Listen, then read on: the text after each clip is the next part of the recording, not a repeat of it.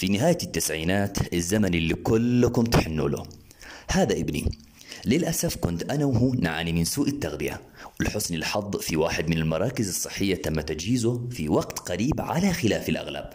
تلقينا الدعم والمساعدة والتدريب في التغذية والصحة الإنجابية.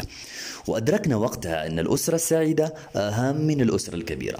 بعدها تحسنت أوضاعنا في القرية بالتدريج وحصلنا على ماء نظيف في منازلنا بعد ما كان ملوث ومتوفر في أماكن بعيدة. مر الوقت ودخل سعيد المدرسة وحصل شنطة هدية وداخلها ألوان ودفاتر حلوة وكمان درس في فصل جديد مع أفضل المدرسين. وقتها تعلم اتخاذ القرار وكان يحكي لي أنه لو حد عنفه في المدرسة يروح يشتكي ويتجاوبوا معه. ولما كبر انتقل للمدينة وتم تأهيله وتدريبه في مركز CLDC ومن ثم أخذ قرض وبدأ مشروعه الخاص وتغيرت حياتنا للأفضل. وفجأة جاءت الجائحة.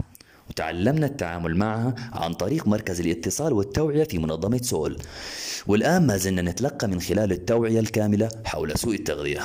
24 عام تنمية بناء وتمكين.